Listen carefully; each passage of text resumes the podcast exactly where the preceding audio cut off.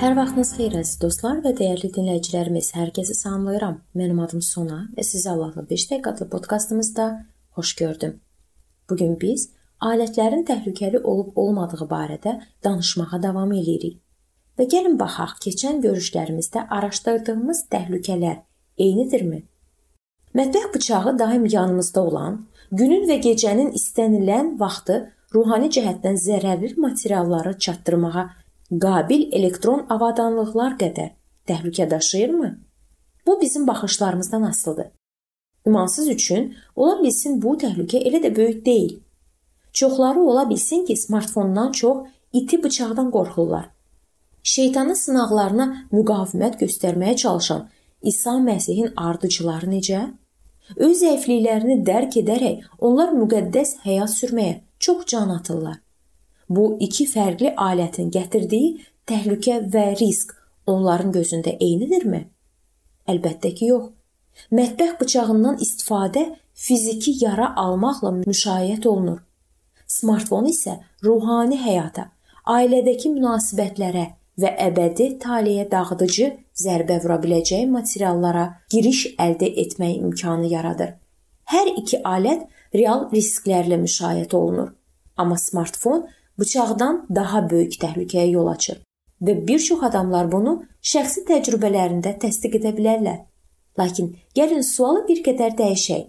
Tutaq ki, smartfon artıq zərərli materiallara giriş əldə edə bilmir. İnternet sadəcə qarşılıqlı bağlantısı olan kompüter şəbəkələrinin qlobal sistemidir. İlk vaxtlar onun funksiyası yalnız təhsil və hərbi müəssisələrə məlumat mübadiləsi üçün şərait yaratmaq idi. 1980-cı illərdə internetin fəaliyyəti yalnız bununla yekunlaşırdı. 1990-cı illərin əvvəlində ona kommersiya marağı göstərilməyə başladı. Əsrin sonlarında isə məlum oldu ki, bu şəbəkə əvvəlcə düşünüldüyündən daha geniş sahələri əhatə edəcək. Ayrı-ayrı şəxslərin internetə girişinə icazə verildikdən Cəmi bir neçə il sonra hansısa filtrə ehtiyac yarandı. 2000-ci il dekabrın 21-i ABŞ-da uşaqların internetdən müdafiəsi haqqında qanun imzalandı. Sənədə əsasən ABŞ-dakı məktəb və kitabxanalarda federal maliyyələşmənin şərtlərindən biri kimi internet şəbəkəsinə filtrin yerləşdirilməsi tələb olunurdu. O gündən başlayaraq internet filtrlər daim təkmilləşdirilir Baxmayaraq ki, onlara tam etibar etmək olmaz. Gəlin smartfonu filtrasiya edilmiş internet və mətbəx bıçağı ilə müqayisə edək. Tutaq ki, smartfonumuzda tam etibarlı internet filtr quraşdırılıb.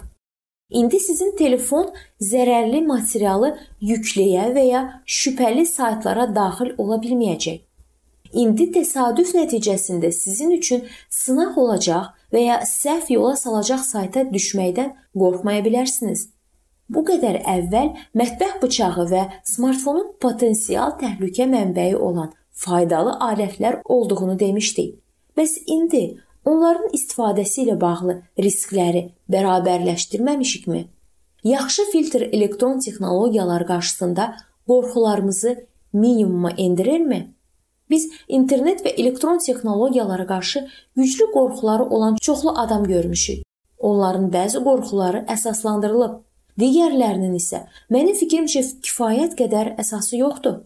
Kimsə ola bilsin, yeni ixtiraları çox saf çürük edir və istənilən yenilikdə ciddi problemlər axtarır. Bu, tarixi araşdıran zaman xüsusilə gözə çarpır. Demək olar ki, Hər dəfə yeni texnika və ya texnologiyalar meydana gələndə qaşlarını çatıb, başlarını bulayaraq onları rədd edən adamlara rast gəlinib. Bəlkə sadəcə tarix təkrarlanır. Bəli, ola bilsin. Lakin elektron texnologiyalardan gələn təhlükəyə görə narahat olan hər kəsə paranoik adı qoyanadək bu avadanlıqlara diqqətlə baxsaq və bizə bu texnologiyaların hansı təsir göstərdiyini analiz etsək, yaxşı olar.